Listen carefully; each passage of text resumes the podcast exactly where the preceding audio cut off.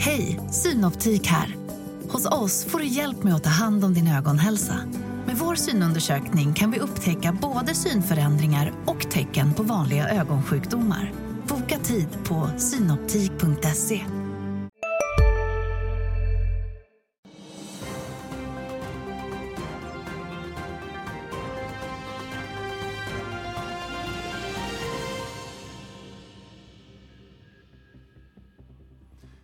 fredag, det är full fart i studion uppåt i Asien efter ett starkt avslut på Wall Street igår. Här i studion ska vi fira en vital 25-åring som står bredvid mig. Och så ska vi snacka bolagsstyrning och bilar. Det är den 9 juni, du tittar på Börsmorgon. Den starka marknaden förbryllar och delar experterna. Vi ska blicka framåt. Håll i och håll ut, så gör du med dina vinnare i portföljen. Och så blir det en tur i Porschen som gasat på börsen. Med oss har vi ny gäst, men ingen ungdom. Mats Andersson firar 25 år som förvaltare på Nordea. Stort grattis får vi säga och varmt välkommen. Och det är fonden som fyller 25 år. Jag har varit på Nordea lite längre. Ja, Okej, okay, okay. och, och, och, du fyller lite mer än 25 får vi anta, men det ska vi inte tråka dig med. Magnus Dagel står här också förstås, kär. Eh, det är medarbetare och gammal Nordea-kollega en gång i tiden. Ja. Mycket bolag och bolagsstyrning i dagens program. Jag reagerade på norsk kärninflation som kom in lite starkare än väntat. 0,5 i maj jämfört med månaden före. Year on year däremot 6,7. Det i kombination med svensk bostadsstatistik som faktiskt stiger, lite av en metkrok på bostadsmarknaden i Sverige, får mig att eh, fråga mig om den här ränte räntepinan kanske blir lite mer kvardröjande än vad många har hoppats på. Ja, räntan kommer ner från de här jättehöga nivåerna och det tror jag lugnar kanske bostadsmarknaden. Men sen är frågan om hur långt ner den kommer och det vet vi ju inte riktigt än. Kommer den landa på 2-4 procent? Det är jättesvårt att svara på men, men vi kommer få leva med lite inflation framöver. Vi är tillbaka till en mer normal ekonomi där vi har inflation igen. Liksom. Att... kan jag tycka är lite bra i och för sig absolut bra. För många börsbolag är det bra. De kan höja priser och sådär. Va? Så att, mm. men å andra sidan blir räntan lite högre och vi har för en gångs skull ett placeringsalternativ som heter ränta. Det har vi inte haft nu på 7-8 år. Mm. Så att, eh, lite ny normal marknad går vi in i nu på något sätt. Va? Magnus, du tackar.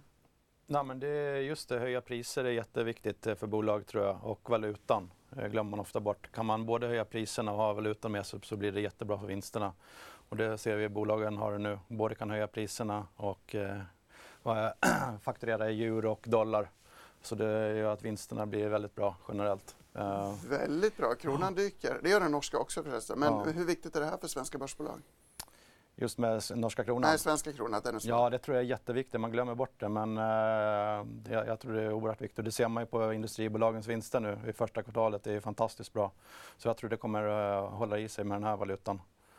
Och sen är det också starka företag som vi har, liksom, jag skrev in Porsche där med starka varumärken. Atlas eh, ska jag följa upp här nästa vecka. Också ett bolag som kan höja priserna. Kan man höja priserna blir det otroligt eh, bra hävstång för, eh, för vinsten eh, för bolag, tycker jag. Ja, och sen blir också svenska tillgångar billiga för en utlänning, mm. både aktier och fastigheter. Vi har ju faktiskt gjort en slags devalvering på 15 procent och det pratas det egentligen inte så mycket om då. De positiva effekterna av det. Då. Sen finns det negativa effekter också men, men eh, börsen brukar egentligen gå lite bra när, när Sverige har devalverat historiskt i alla fall. Och det har vi ju alltid gjort känns det som. Ja, det har hänt flera gånger eh, faktiskt. Under min karriär har, har man varit med om några sådana och det har ju alltid varit en kickstart för, för börsen faktiskt. Va? Men mm. nu är det bara fokus på det negativa från kronförsvagningen. Mm. Ja, eftersom det snart är semestertider. Vi ska åka bort och det blir dyrt. Ehm, detta om detta. Jag vill nämna att Intervac har kommunicerat en ny emission, alltså förvaltarfavoriten och hästvaccinerarbolaget som jobbar med Kvarka. Jag ska inte prata så mycket mer om det. Nio kinesiska elbilstillverkare kommer med rapport senare idag. De är noterade i USA, så vi får vänta lite på de siffrorna. Magnus, eh, hur går det för Nio? Ja, men operativt går det ju bra. De är helt, bara, bara säljer bara elbilar och det, det, går ju operativt bra. De ökar försäljningen kraftigt men aktien har ju kollapsat mer eller mindre. Den, jag kommer ihåg jag skrev om den för två år sedan va? Men när elbilar var som hetast där ja. då var det samma BMW och Nio hade samma börsvärden på 400 miljarder kronor och eh, BMW sålde ungefär 2,2 miljoner bilar och Nio 100 000 bilar. Så nu har Nio kommit upp lite grann och BMW har kommit upp lite grann. Men Nio har kommit ner, BMW ja, upp. Ja, ja. precis. Ja. Uh, men i försäljning av bilar då. Men uh, börsvärdet på BMW är drygt 800 miljarder nu, 900 uh, 100 miljarder. Så det börjar rättas till Fundamenta kommer alltid ikapp eh, bolagen. Ja, vi, ska åt, vi ska se om det gäller Porsche också, men det ska vi snacka om lite längre fram. Sectra är en favorit här i programmet. Eh, Torbjörn Kronander var med oss i fredags efter en kanonrapport. Men var det igår eller förrgår som aktien var ner 10% plötsligt? Ja, det var igår när Carnegie satte en säljrekommendation. De har tidigare haft hold då och då, den börskursen reagerar mycket på analysförändringar då. Eh, men på lång sikt så spelar det ingen roll menar vi, för vi, vi gillar det här bolaget på, på lång sikt då. Men kortsiktigt så slår det 10% upp och ner. Det får man, liksom, det får man leva med. Upp 10% förra veckan, ner 10 Ja, på en väldigt bra rapport. Ja. som, eh, vinsten var ju nästan 30 då, och eh, mycket bättre än vad marknaden hade trott. Och, eh, eh, nu gynnas de den här, den här svaga kronan i och med att de har USA som sin största marknad och dollarn börjar närma sig 11 kronor. Det är väldigt gynnsamt för, för sektorn. Då. Och det sa ju bolaget också i, i sin kommunikation att det, nu, nu är, det finns valutaeffekter i det här. Då. Men underliggande så är, så är det ett fantastiskt bolag som, som vi tror har fantastiska tillväxtmöjligheter på, på 57 års sikt, då, särskilt i USA. Mm. Sectra är ett bra exempel, för det är det andra stora temat i det här programmet tänkte jag, nämligen väldigt dyra aktier. Mm. Sectra är, P-värdena kan ligga närmare 100 va, om man, beroende på hur man räknar. Mm. Men du behåller den? Ja, de har alltid varit dyra. Vi har varit med här, här sedan 2006 och då var P-talet runt 30-40. Så att nu de eh, upp mot 100. Men å andra sidan var ju räntan då kanske 6-7 procent och nu är vi kanske nere på 2-4 procent eller någonting sånt där. Så det ska vara en högre värdering och sen de har så långa kontrakt. De har ju 7-10 års kontrakt så det är väldigt låg eh, risk då. Mm. De, de, redovisar nu för första gången hur mycket kunder de tappar då eh, och det är eh, den så kallade körnen då. Och det var bara 1,3 procent och så har det varit under lång, lång tid. Så de har en väldigt stabil affär och tappar väldigt sällan kunder och så långa kontrakt. Då och så är det mjukvara och så binder det inget kapital och då blir det en hög värdering. Liksom. Sen kan man alltid diskutera hur hög den ska vara. Men, mm. men, eh, och var det därför Carnegie sänkte? Det finns väl bara en analytiker som följer det här bolaget? Ja, det, är, det har varit väldigt få analytiker genom åren. Det här är ju en, ett bolag som inte är så beroende av kapitalmarknaden och då blir det inte så många Nej. analytiker som följer. Eh, eh så det ger oss lite extra chans då, som gör en egen analys. Då. Eh, Vill du flika in något där Magnus? Nej, men Mats har alltid varit väldigt duktig på att hänga kvar i aktier väldigt länge. Jag kommer ihåg när vi jobbade på Nordea där så försökte jag övertyga dig att sälja Sectra där. Jag vet inte om det är 10-15 år sedan. vi blev fast i det askmolnet uppe i Norrland. Jag tyckte att värderingen var alldeles för hög då. Jag, jag fick spendera tio timmar i en bil med, med, Magnus Dagel från Umeå till Stockholm och det var så vi lärde känna varandra. Det var Men, där ni la grunden till era förmögenheter. Ja. Men du, eh, du, du, du såg ju liksom eh, också liksom på lång sikt att det var ju fantastiskt och tittade inte så mycket på värderingen som jag gjorde då. Eh, jag tittade på värderingen men jag följde ju inte råden från analytikerna för samtliga analytiker har haft sälj hela tiden när vi har haft den här för den har liksom alltid varit dyr då. Och jag kan inte säga emot dig Gabriel att den, att den inte är dyr så att säga. Men återigen, det är frågan om tidsperspektiv. Mm. Eh, vi har ju 57 års perspektiv och Carnegie i det här fallet kanske har ett, ett, mm. ett, ett kortare perspektiv. Va? Men vi, vi, vi, vi, måste beakta att vi har en hyfsat stor fond och, och, och vi, gör de bästa investeringarna gör vi på lång sikt. Och, och, det, det, är mm. viktigt. Alla bra investeringar är oftast långsiktiga. Liksom, va? Det är ett nyckelord i den här sändningen. Vi återkommer till långsiktighet, ska snacka om lite andra dyra aktier längre fram. Men jag vill nämna dels ska Tesla börja producera sin Cybertruck, eh, har, de, har rapporterats om i alla fall i amerikanska medier. Det blir spännande att se. Det, jag upplevde det lite som ett fantasiprojekt. Men så är det med Elon Musk. Eh, en annan amerikansk karaktär är Donald Trump som har meddelat själv att han nu åtalas igen den här gången är det ett federalt åtal som rör hanteringen av hemliga dokument eh, efter hans tid i Vita huset. Alltså. Det här åtalet är inte offentliggjort men eh, enligt eh, pressen i USA så handlar det om någon, slags, någon form av spionrelaterade brott. Det blir spännande att följa i valrörelsen. Och när vi ändå är i USA så vill jag nämna, jag nämnde Wall Streets starka utveckling igår. Jag noterade att VIXen är nere på väldigt låga nivåer. Allt är frid och fröjd på börsen.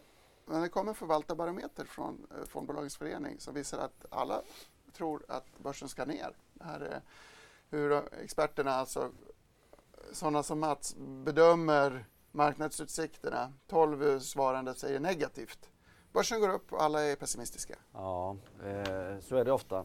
När alla är negativa då har ju alla sålt och då är det nästan li lite bra eh, läge att investera på, på börsen då. Men vi, vi har faktiskt varit hyfsat optimistiska sedan slutet på förra sommaren. Vi var lite tidiga. Eh, Eh, men som sagt, strateger och andra har ju varit väldigt, väldigt negativa då. Men, men, bolagen har ju fortsatt att tjäna hyfsat pengar då om man då väljer bort vissa sektorer som detaljhandel och ja, eh, bostadsbyggande och sånt där. Några har ju, har ju kommit i kläm här och, och, där är det riktigt jobbigt. Liksom, va? Men, men de andra sektorerna rullar ju på riktigt bra.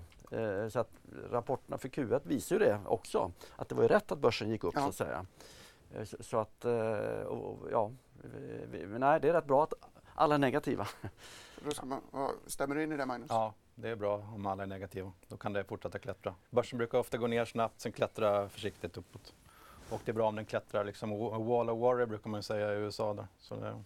Klättrar över alla hinder och orosmoln. Så är det. Samtidigt så har den kommit upp rätt kraftigt nu. Mm. Om någon sa till mig att det var läge för en liten korrigering neråt så skulle jag nog inte Nej, det, det, är jag nog beredd att hålla med på. Eh, våra småbolagsfonder upp mellan 10 och 15 procent här i, i, i början på juni. Det är ganska bra. Det är bättre kanske än, än vad de flesta hade trott. Så att lite andhämtningspaus kan man väl liksom ta, förvänta sig kanske. Va? Nu när det går så himla bra så ska vi byta samtalsämne till något riktigt dåligt, nämligen Viaplay som har handlats ner kraftigt efter måndagens vinstvarning och eh, vd-skifte. Eh, du har ju det här eh, innehavet i din portfölj. Eh, vi ska inte prata så mycket om Viaplay, men har du någon kort reflektion kring bolaget? Nej, vi, vi, har, vi har minskat vårt innehav de sista eh, åren men har tyvärr blivit hängande med en, en, en liten del. Men nej, jag, det, det, det, skrivs redan så mycket om Viaplay men det, man kan bara konstatera att det finns utrymme för förbättring både operationellt och och eh, ur ett governance-perspektiv. Eh, och, eh, men sen är det alltid svårt det där, marknadsvärdet är lågt nu också så att, mm. och informationsflödet är just nu väldigt, väldigt negativt. Så att det här är alltid en avvägning man måste göra. Så, så att det, det, aktien är, är svårare att liksom, kanske bedöma va? men det har varit ett riktigt, riktigt fall. Det är sällan man får se faktiskt på stora listan. Eller en otrolig rea, vill du flika in något Magnus? Nej, men jag vet inte, du som kan bolaget, kommer det bli några pengar över till aktieägarna efter att de har betalat sina dyra sporträttigheter? Ja, det där är en svår fråga.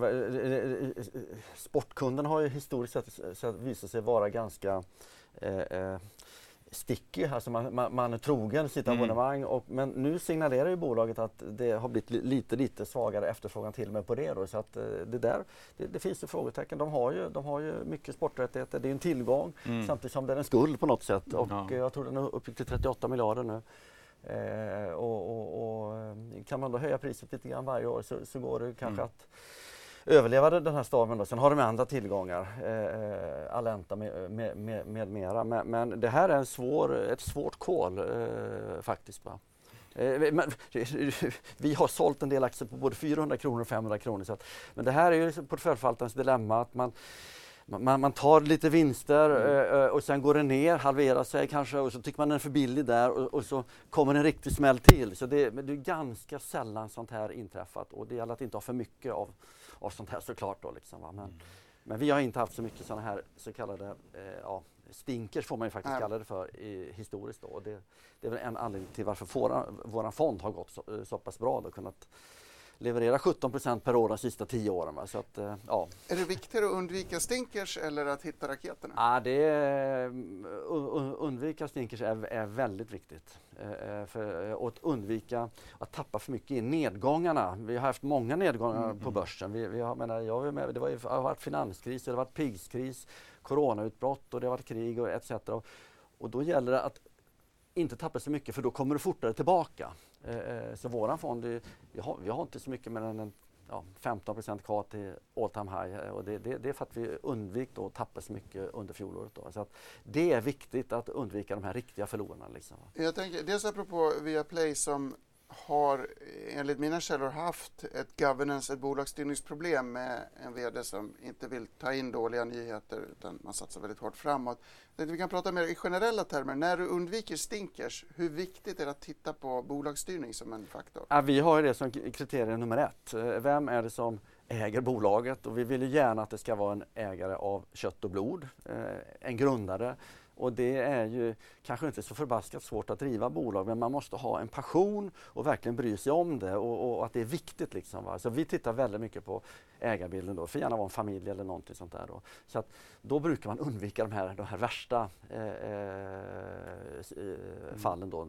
Så, så, att det är egentligen man brukar prata om ESG då och det här är ju G då, governance då liksom, och där har vi varit väldigt tidiga på att liksom screena ut bolagen ur governance-perspektiv, vilka bolag vi tycker är bra då. Så att de flesta bolag vi har eh, har ju då en tydlig huvudägare som vi tycker. Du nämnde Torbjörn Kronander här tidigare som ja. har grundat Sectra och är största ägare. Det, det, det, är ett jättebra exempel på hur den här governance-modellen fungerar eh, positivt. KABE, Phoenix Outdoor, kan vi slänga in några till Magnus? Du får flika in något här också. Nej, men jag har skrivit mycket om fastighetsbranschen här och som, eh, problemen i, i governance där ska jag säga med, med korsägandet som nu dyker upp som ett uppenbart problem. Att, eh, att de olika VD och ägare har köpt in sig i varandra och nu förstärks den, eh, den problematiken. Ja, där har du den bilden. Mm, den här bilden kan man, förlåt att jag avbryter, men den här bilden om du, även om du inte uppfattar alla detaljer så illustrerar det, jag tror att den kommer från IMF, illustrerar ju det svenska korsägandet på ett fantastiskt sätt. Ja, och det är väl när allting gick upp och räntorna var låga var det inget problem. Men nu, nu ser man ju att det här är ett problem. Sven-Olof Johansson, till exempel VD, fast partner, har köpt jättemycket aktier i SBB som rasar. Det liksom, och vi ser Corums problem, Rutger Arnold. Nu, nu är det ett problem där. Och svenska förvaltare ska jag säga och institutioner har inte brytt sig speciellt mycket om de här governance-problemen i fastighetssektorn. Men utländska förvaltare och investerare har verkligen tagit det på allvar och det är otänkbart att, eh, att man köper in sig i, i utlandet på, på det här sättet i varandra. Eh, Mm. Men nu är governance-problemen på väg att lösas. Vi har ju Roger Akelius till mm. exempel som har kommit in i Castellum. Han, han, kommer hem med mycket friska pengar efter eh, fina fastighetsförsäljningar. Vi har John Fredriksson som går in i Fabg som också är väldigt kapitalstark och långsiktig. Så att bolag för bolag nu börjar bena ut sin governance-struktur liksom. och det tror jag är väldigt bra för hela marknaden. Eh, eh, och jag såg också att eh, SBB fick en ny VD då från eh, Roger Akelius-sfären Leif Synnes. Och han har ju kanske den förmågan att eh, ge förtroende till, till kapitalmarknaden och, och, på det sättet få ner riskpremien på bolaget och få ner spreadar på obligationsmarknaden och så vidare. Och det tror jag kan gynna hela den, den, den sektorn faktiskt. Va? En, en motvillig men välbehövlig storstädning helt enkelt. Ja, och man ser tyvärr inte så jättemycket ännu av uh, upplösandet av korsägandet kan jag tycka. Uh, men det kanske kommer nästa år när, ja, när räntorna kommer upp ännu mer och, och räntebindningarna släpper och att det blir tuffare. Är inte problemet man tvingas sälja saker men fastighetsbolagen är så jävla lågt värderade så att man vill helst inte Aha. sälja de aktierna. Det är, det är en riktig revsax. Ja. Eller björnsax som de har satt sig Otrevlig, ja. otrevlig sits i alla fall. Mm. Eh, vi har också ett problem, nämligen klockan som har slagit nio för två minuter sedan. Dags att gå till Studio 2 och Sofie Grassberg för en börsuppdatering.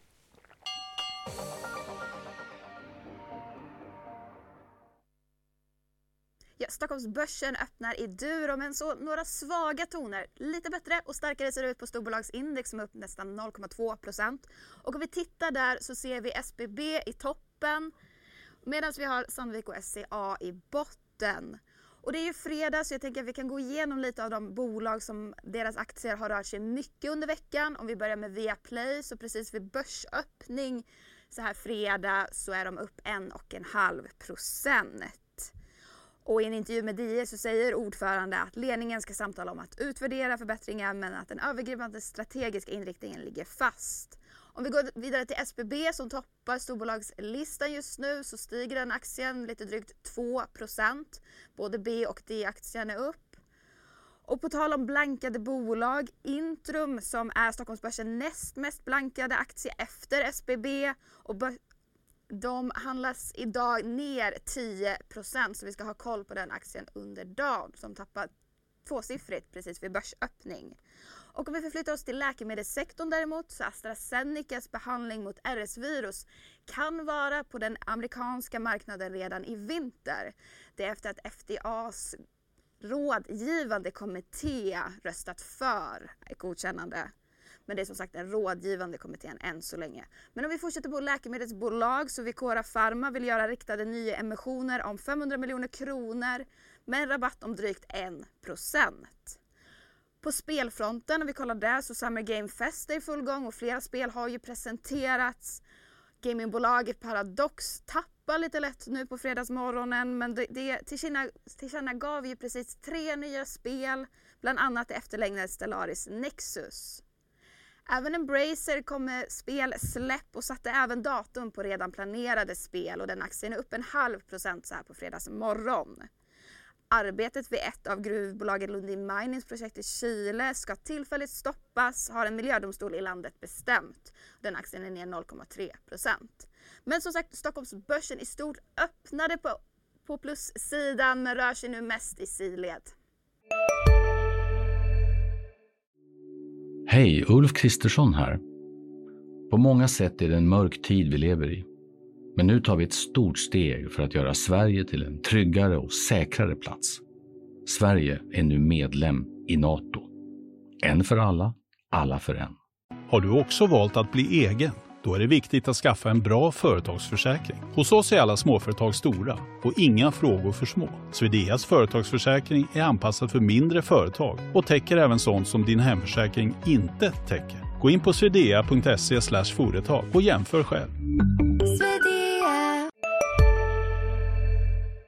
Mm, inte sidled överallt. Jag vill korrigera, jag sa tidigare, jag nämnde inte Vax-emission. Det, det kom en nyhet om emission men det var att den övertecknades, den är redan kommunicerad sedan tidigare, beklagar det. Klasse kan vi nämna först. Clas Olsson, apropå stora ägare, ledning som köper aktier. Ja, ordförande köpte aktier här idag och det är ju positivt. Eh, eh, det är det bästa commitmenten ordförande och styrelse och VD kan göra. Att man, för då sitter man i samma båt som vi eh, aktieägare och, och, och Clas Ohlson har vi haft eh, under flera år. Vi har fått väldigt fin aktieutdelning från Clas Ohlson genom åren. Det är väldigt låg risk, de har ingen skuld mer eller mindre, har, äger sina fastigheter och tjänar hyfsat eh, stabilt sina pengar. Men sen är det ingen särskild tillväxt. Men vi, vi, vi tycker de gör det bra. Nu är det lite tufft när kronan går svag och de får köpa mm. in i Ja, där är det omvänt. Ja, där, där är det omvänt. Men samtidigt lågt pris, eh, konsumenten har ont om pengar och liksom, det är folk i butikerna varje dag. Jag brukar gå runt och titta och, och, det är folk i kassorna hela tiden. Så att det här är en mycket mer stabil affär än vad man, man kanske kan, kan, tro då. Och eh, bolaget fick en ny VD här för några år sedan som, som eh, gör det här bra. Så att, eh, nej, den där behåller vi. Ja, jag gläder mig. Från skuldfritt till skuldbelagt.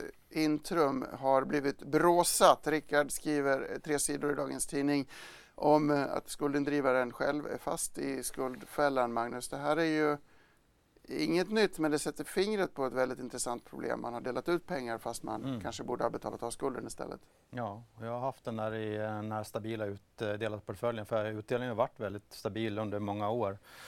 Eh, speciellt då historiskt men, eh, men han har ju väldigt bra poänger tycker jag att eh, de delar ut extremt mycket.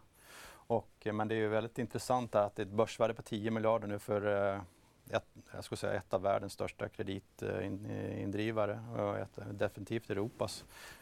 10 miljarder i börsvärde på det. Men samtidigt har de ju 55 miljarder i skuld. Så det är ju eh, extremt skuldsatt. Då. Så det, tittar man på företagsvärdet så är det ju liksom equity, marknadsvärdet en väldigt liten del av det nu. Så, ja, jag, jag, äger du Intrum? Nej, vi gör inte det. Vi, vi har ett kriterie i, i småbolagsfonden att vi vill uh, köpa bolag där vi förstår oss på affärsmodellen. Och vi, vi, har aldrig riktigt förstått oss på exakt hur de driver in skulderna. det beror kanske mer på vår bristande mm. kunskap. Men, men det, så vi har avstått från, från den. Då. Och det i kombination med att de har gjort en del större förvärv ute i Europa gjort att vi har inte ens varit nära den här. Då. Men när man tittar på värderingen så har den då, när man tittar på P tal så har det varit väldigt lågt. Så den har ju varit, den har ju varit kittlande att kanske köpa den ur det perspektivet. Och ur utdelningsperspektivet, ja. en billig utdelare. Men det är nog en värdefälla med 16% direktavkastning nu. Så den är ju ohållbart hög eh, utdelning. Att de har delat eh, ja, förmodligen för mycket då. Ja, vi, ska, vi har grävt i arkivet. Lasse Söderfjell var ju faktiskt här häromveckan och pratade sig varm om Intrum. Vi ska titta tillbaka på ett kort klipp eftersom vi alltid eftersträvar balans här i Börsmorgon. Det här är ju ett veritabelt haveri. Så så eh, marknaden skjuter in sig på den här höga skuldsättningen som, som bolaget har. De har 51 miljarder kronor i nettoskuld. Eh, Men det är väl rimligt att man tittar på det? Det är rimligt att man tittar på det, men det är inget problem om man inte tänker växa. Och det hade varit ett problem om aktien hade stått i 250 kronor, men nu står den runt 70 kronor. Och då finns det fasen i mig inga tillväxtförväntningar. Eh, grafen till höger klippte jag från deras, eh, deras Q1-presentation här. Och det visar liksom bara vad de har för eh, möjlig, hur mycket kassaflöde de genererar. Det här är rullande 12 månaders och på det sättet, de har 9 miljarder i kassaflöde som de kan välja mellan att återinvestera i portföljerna. För de, I takt med att man inkasserar på portföljerna så krymper de ihop. Man kan betala av skulder och man kan dela ut pengar till aktieägarna. Eh, i, nu, i, förra året så ja, ungefär 6,5 miljard återinvesterar man i, i portföljer för att hålla back, den så kallade backbook intakt. Eh, stryp det ett år så har du e-, e-, egentligen inget skuldsättningsproblem. Ja, det blir lägre tillväxt eh, och då kanske du inte ska betala P 12 eller 13 för det här. Men du ska definitivt betala mer än, än P 5 för det. Vi kör ut eh, en längre version av Lasses eh, utläggning på Twitter för den som vill höra den positiva bilden jag tycker det rimmar lite med fastighetsbolagen där. Man vill inte dra in utdelningen för att investerarna älskar den och så mm. hamnar man i en skuldfälla mm. istället. Ja, det ser vi ju senast nu i boksluten så är det fler som höjde utdelningen. Nyfosa till exempel, trots sektorns högsta eh, skuldsättning. Så det, det, det, det, gör man. Och, ja, men det liknar fastigheter faktiskt. Tycker jag. Men det är ju en governance-fråga och Clas Ohlson till exempel sänkte sin utdelning mm. kraftigt från föregående år. Och här, här tycker jag, här tar ju liksom ägarna och styrelsen sitt ansvar. Man har en utdelningspolicy att man ska dela en viss andel av vinsten. Jag tror det är 30-40 procent någonting sånt där. Och när den går ner då sänker man utdelningen dit. Så det är väldigt tydligt kommunicerat från början och så följer man den planen. Så det är ju ganska enkelt egentligen. Mm. Jag, ska, jag, jag, tror att signalvärdet är en viktig bov i det här dramat, att man vill signalera styrka. Men jag känner ju tvärtom, att ja. när Clas Ohlson sänker då tänker jag här är någon som tar ansvar. Mm. Ja men så är det nog med Intrum. De, förmodligen hade de tjänat på att ställa in eller sänka utdelningen kraftigt för att betala av skuld några år. För nu blir det ju så en enormt hög utspädning om de skulle tvingas göra en nyemission och sänka skuldsättningen. Har du, innan vi lämnar fastighetsspåret, har, du har inte haft så mycket fastigheter i din fond? Nej, vi har varit försiktiga egentligen de sista fem, sex åren. Mycket baserat på, på den här governance problematiken om man säger så. Eh, men sen det, det som också är, vi, vi såg ju inte att räntan skulle gå, gå, ner så här kraftigt så vi var egentligen lite för försiktiga. Vi såg ju inte att räntan skulle gå ner till minus samtidigt som Sverige hade BNP-tillväxt på liksom runt 4 procent det var ingenting vi kom ihåg från skolboken när vi gick på universitetet. Liksom, va? Men, men, men, det överraskade oss och där, där var vi lite för försiktiga. Men sen på slutet då, då, då, då, då, då blev det nästan hysteriskt här med förvärv och nya mm. bolag och sånt där. Så då kände vi att det, det, här kommer ju sluta någon gång med förskräckelse. Men när och hur, det vet man ju aldrig med sånt där. Så vi, på slutet här hade vi nästan ingenting. Men nu tycker vi, nu har ju det kommit ner 50-60 procent. Eh, nya ägare kom, kommer in, som jag sa, Castellum, Fabg. Du köper ju fastigheterna billigare på börsen då i de här välskötta bolagen mm. än vad du gör direkt på fastighetsmarknaden. Så att selektivt nu göra några investeringar på 57 års perspektiv, det, det tror jag inte behöver vara helt fel. Du har köpt lite Castellum va? Castellum har vi köpt och Fabg. Har... Ja, men det är de två satsar jag på i veckans aktie. Och jag menar, Fabege till exempel, där påpekar jag att man kan köpa för fastigheterna på halva priset jämfört med transaktioner som görs i Stockholms innerstad och bra kontor. Eh, och det har ju John Fredriksen eh, har ju flaggat upp ordentligt nu i, och blivit näst största ägare i Fabege. Så han är ju en väldigt eh, historiskt skicklig investerare och han ser förmodligen där att man kan köpa de här fina fastigheterna till, eh, till bra priser. Och har man 5 till 7 års perspektiv då kommer man göra en bra affär där. Det, Eh, är jag övertygad om. Och, och Castellum kommer ju bäst ur när man, när man ratear fastighetsbolag ur ett ESG-perspektiv. De har ju alltså de miljövänligaste och mest energieffektiva fastigheterna. Då, så att de är liksom färdiginvesterade ur det perspektivet också. Så vi, vi, vi tycker den, eh, vi tror det finns uppsida. Välskött kvalitetsbolag i blåsväder. Vi ska titta på en bild på avkastningen för 25-åringen som vi firar här i studion idag. Trots att du missat fastighetsrallyt alltså så har du lyckats utklassa börsen. Kan vi få en applåd på det också? Här kom det. Trevligt. Man kan missa eh, överdrivet håsade sektorer och ändå komma vinnande i slutändan. Ja, vi har gjort fler missar än så. Eh, eh, så att, nej men så är det. Men, men som sagt, det, det, det, det det, har, det här är ju 1700 procent på de här åren. De flesta av de här procenten, det är 12,5 procent per år då, ungefär i årsavkastning. Och det mesta kommer de sista tio åren, då har vi faktiskt legat på 17 procent per år. Då. Men det är klart vi har fått hjälp av de låga räntorna då. Men, men, men kan man undvika de här riktiga sänkorna och så ha de här kvalitetsbolagen i portföljen som liksom är ankade i portföljen då, då kan det bli bra. Eh, sen har vi också varit duktiga på att tajma nedgångar. Eh, vi har haft lite extra cash eh, eh inför större nedgångar. Har, har, du extra cash idag? Ah, jag brukar inte kommentera så Nej. i detalj men eh, vi, vi, man kan ha 0% cash och man kan ha 10% cash och eh, jag var väldigt nära noll. Men nu inför sommaren då brukar jag dra upp lite, lite grann. Så det, det har vi gjort nu de sista veckorna. Här då. Vi ska faktiskt dra upp eh, en växel här i programmet och snacka bilar. Det är ju faktiskt så att vi har ett nygammalt programformat som heter DITV Motor. Ett nytt avsnitt lades ut igår och vi ska kolla in en liten episod därifrån.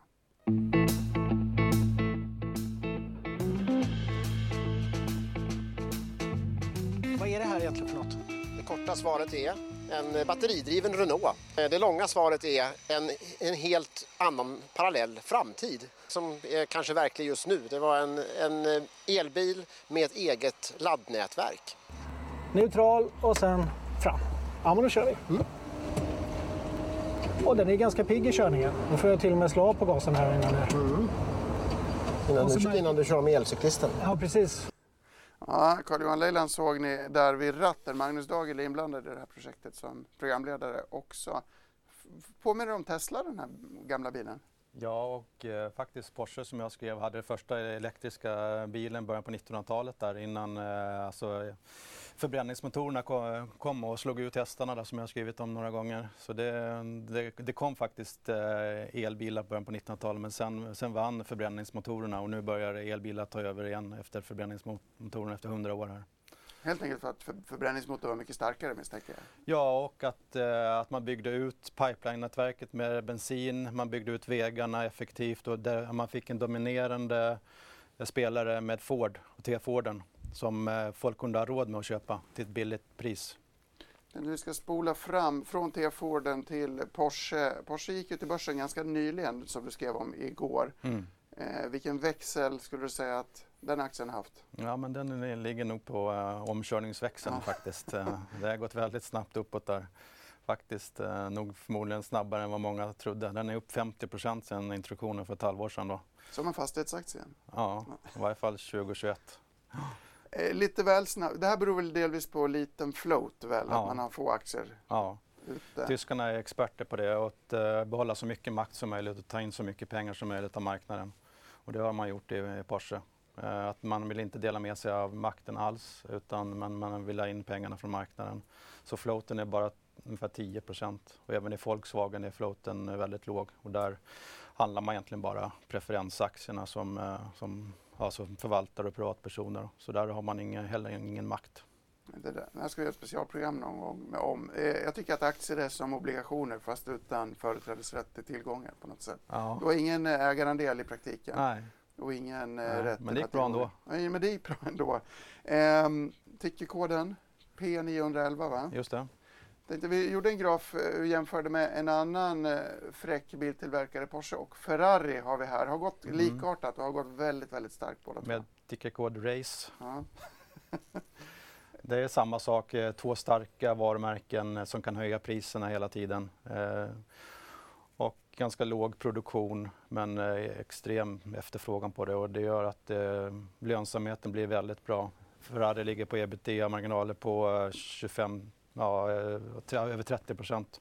Porsches mål är 20 procent. Så det, där ser man höja priserna, stark efterfrågan, starkt varumärke blir väldigt eh, kraftfullt.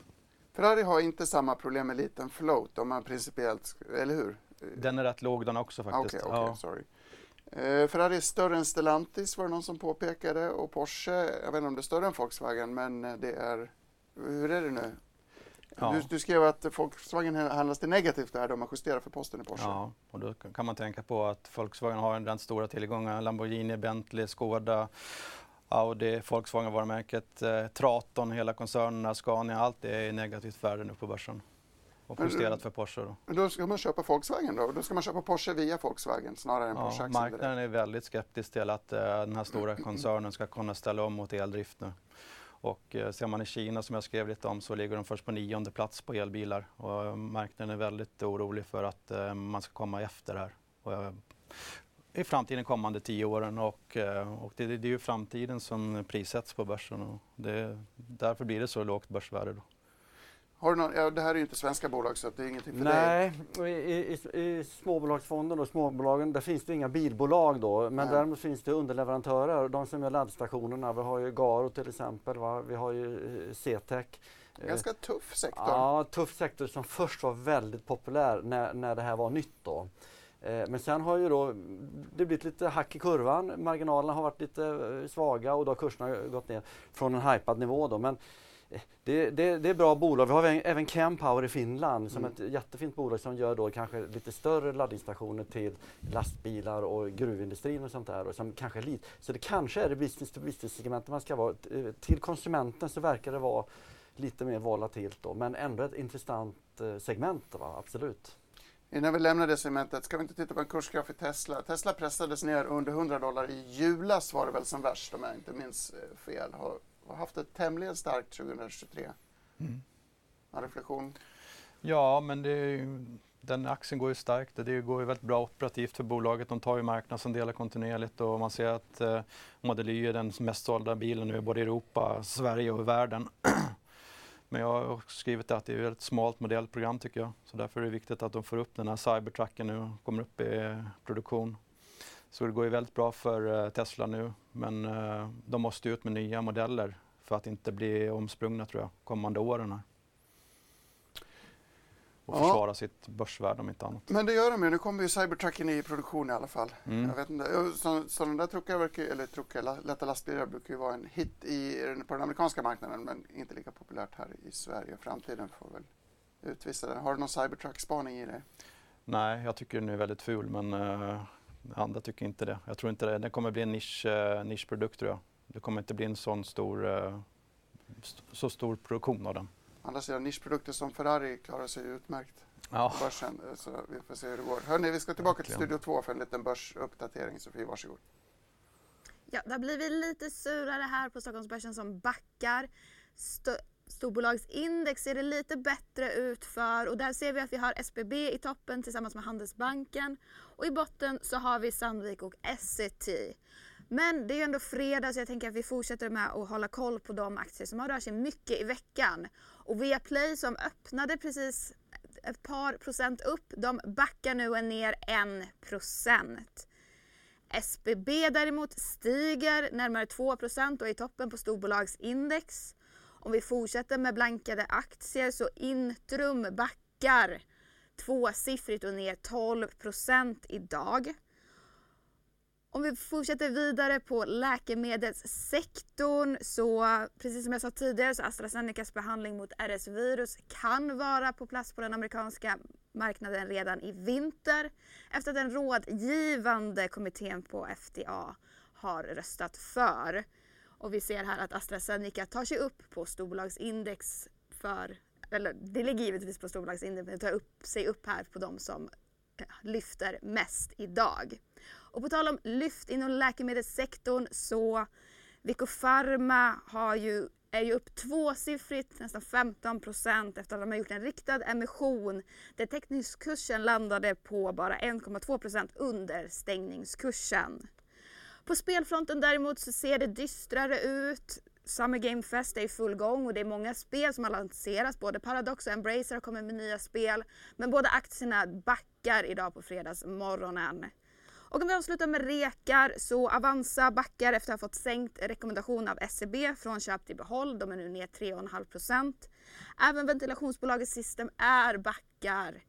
Och de följer ju på sin rapport igår och har alltså fått slopat köpråd från DNB och den aktien är nu ner 4% Men som sagt, Stockholmsbörsen i stort ser lite dystrare ut och backar 0,2% Rapporten kom igår och den var ner redan igår 5 vi snackar om Systemair här som handlas ner. Eh, du, du äger bolaget? Ja, vi äger bolaget. Jättefint bolag som Gerald eh, Engström har eh, grundat och det här är ju lite grann ventilationsvärldens eh, Ingvar Kamprad kan man säga. Liksom? Men, och, och, det har varit en fantastiskt bra investering. De har bra marknadsposition, de äger sina fastigheter och, och starkt bolag. Liksom? Men rapporten var lite svagare än väntat igår och kursen hade gått upp tidigare. Så att mm. Den gick ner igår 5-6 procent och går ner idag några procent till. Varför har vi så mycket ventilation på Stockholmsbörsen? För det tänker jag på innan jag somnar på kvällarna. Eh, ja, vi har ju Lindab också, mm. jättefint bolag också. Det, det, nej, men det är ju Om du lägger in kylning också så har vi en hel uppsjö. Ja, men Sverige är ju kallt va? Och, och, och vi har tjocka väggar och då ska det ventileras så luften byts helt enkelt. Mm. Så vi har ju en tradition av det här med byggande och ha energieffektiva hus. Då, så att det här är svenskt DNA vill jag påstå, det här med energitänket, eh, tilläggsisolering och tre, tre, tre vet det, treglasfönster heter det väl va? Som, som är eh, energieffektiva. Så det, det, här det har vi här uppe i det kalla Norden. Det, det är en tes jag har. Behöver man treglasfönster på Gotland? Det behöver man. Det är kalla vindar där på, på vintern och hösten. Apropå kalla vindar så ska vi faktiskt runda av programmet med att minnas misstag och vad vi lärde oss av dem. Ett misstag eh, i din portfölj rör ju faktiskt den här svenska inte ventilationen, men uppvärmningen, eller hur? Ja, så är det. Va? Vi startade Småbolagsfonden 1998 och en av de första aktier som vi köpte till fonden var faktiskt Nibe eh, från Markaryd då och vi träffade Gert, eh, Gert-Erik där tidigt och eh, jättefint bolag, jättebra ägare men så tyckte vi efter två år kursen hade gått bra och att P-tal de var för höga och då sålde vi Nibe då, och det var ett riktigt stort misstag kan man säga. Och, och där, där, ser man vad kraften var en bra huvudägare, alltså hur de kan bygga ett bolag på lång, lång sikt. Vi underskattar den kraften, så det var en lärdom att, att ha de här eh, duktiga ägarna som är entreprenörer. Liksom, och, och, och det, det, var, det, det, det gör fortfarande lite ont faktiskt. Men är det inte en risk också att äga aktier som handlas kontinuerligt i P50 om det händer någonting? Det blir ju ett väldigt stor nedgång där som man har sett nu i liksom ett par bolag som Viaplay. Och, eller vad, liksom, det är ju, tar man inte hänsyn till risken också? Eller? Jo, det måste man göra. Så får man då justera hur mycket man ska ha av den här eh, axeln då och känner sig man mycket eh, övertygelse än vi har gjort i eh, Sectra där vi hade 1 från början så var den uppe i liksom 10% och nu ligger vi kanske på 6% eller någonting sånt där.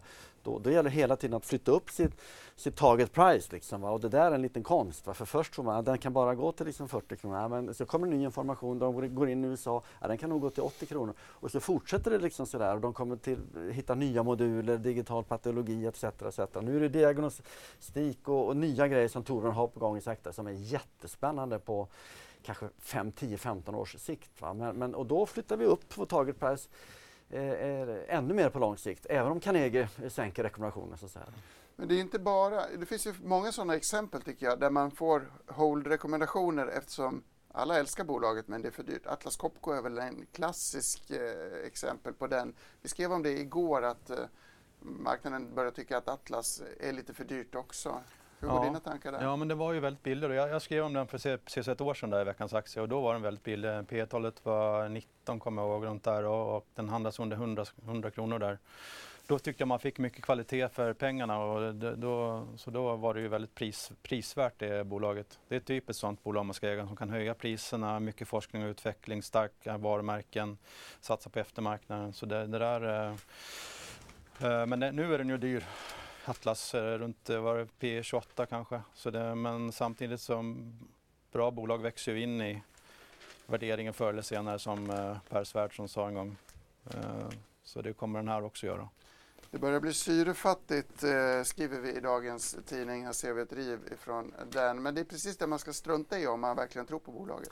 Ja, så är det ju. Men, men alltså man måste vara, vara, säker på att bolaget gör rätt saker på lång sikt. Och det, det, det, testas ju varje år. Tänk hur många beslut en VD tar per år eller per dag. Det är tusentals. Så att fortsätter han vara eh, nyfiken och, och, och, vass och känner man att de har det här drivet och, och, då är det liksom bara att hänga på. Men känner man att det blir någon förändring eller någonting, att det, det är något, no, no, någonting tokigt, va? Då, då får man ju ompröva det. Vi har ju sålt många aktier Förr i tiden var det så att ett bolag bytte ERP-system, en VD stort beslut, man skulle ändra mycket, då, då mm. måste man vara lite extra noggrann och sådär. Men, men också vid större förvärv, om man aldrig har förvärvat tidigare och sånt där, då får man vara lite extra noggrann. Men, men, men eh, köpa kvalitet och vara med, men man måste vara säker på att det verkligen är kvalitet. Mm. Men du har ju varit bra på det historiskt att liksom, tittar man på din avkastning så har ju mycket av överavkastningen varit ett par bolag som du har lyckats ta tidigt och hålla i dem under många, många år som Sectra, Phoenix Outdoor är en sån. Mm. Och det krävs ju lite guts att hålla i dem. Men det är väl en lärdom också att, eh, att man måste kunna, vara, kunna klara att hålla i aktier väldigt länge. Ja, det är någonting man lär sig med åren. Eh, och, och, och det är liksom som förvaltare så blir man liksom bättre och bättre för varje år. Liksom. Det, det, eh, och jag, jag, jag, brukar referera till Warren Buffett, han är 94 och Charles Munger är liksom 99 och de förvaltar fortfarande hyfsat. Liksom, men, men, men, det är jobbigt när alla har säljrekommendation och det kanske är negativt i media och sådär. Men om man ändå är övertygad om att bolaget gör, gör rätt saker på, på lång sikt. Men, Ligger du kvar i Phoenix Outdoor idag? Ja, Trots konsumentoro och... Ja, de har gjort en fantastisk resa i USA. De gick till USA för en 10-12 år sedan här och eh, eh det, varumärket Fjällräven är starkt i hela världen mm. egentligen då. Så vi menar att varumärket Fjällräven kanske är värt lika mycket som hela, hela bolaget då. Plus att de har en nettokassa har de alltid eh, och, och, och, de ger lite aktieutdelning. Så här, här har liksom en, en, en bra governance då. Men det, här, det är familjen Nordin som har, som, som, som har eh, skött det här väldigt bra genom åren då.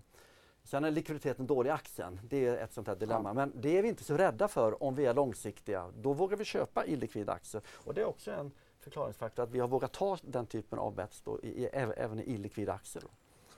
Är du ensam i Förvalta Sverige att vara 25 år på en och samma fond? Jag kommer inte på någon annan direkt, Nej, det är ganska ovanligt. Eh, jag tror det finns någon till. Eh, eh men, men det är ganska ovanligt. Va? Om du har förvaltat en fond i 25 år eller mer, hör av er till mig, gabriel.mellqvist.di.se, så får du också komma hit till studion och berätta om ditt kvarts sekel. Men eh, Mats Andersson, jätteroligt att ha dig här i studion. Magnus Dagel också, som alltid förstås. Det är fredag. Trevlig helg när den kommer. Missa inte Börskoll klockan 14 och eh, vi ses igen i nästa vecka. Ha det gott!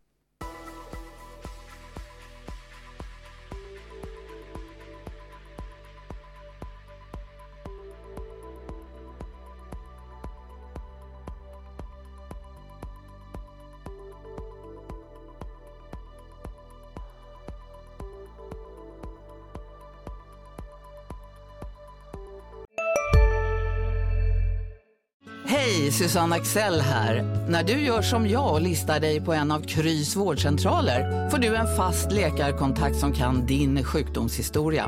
Du får träffa erfarna specialister, tillgång till lättakuten och så kan du chatta med vårdpersonalen.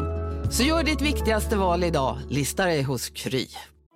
Hej Sverige! Apoteket finns här för dig och alla du tycker om.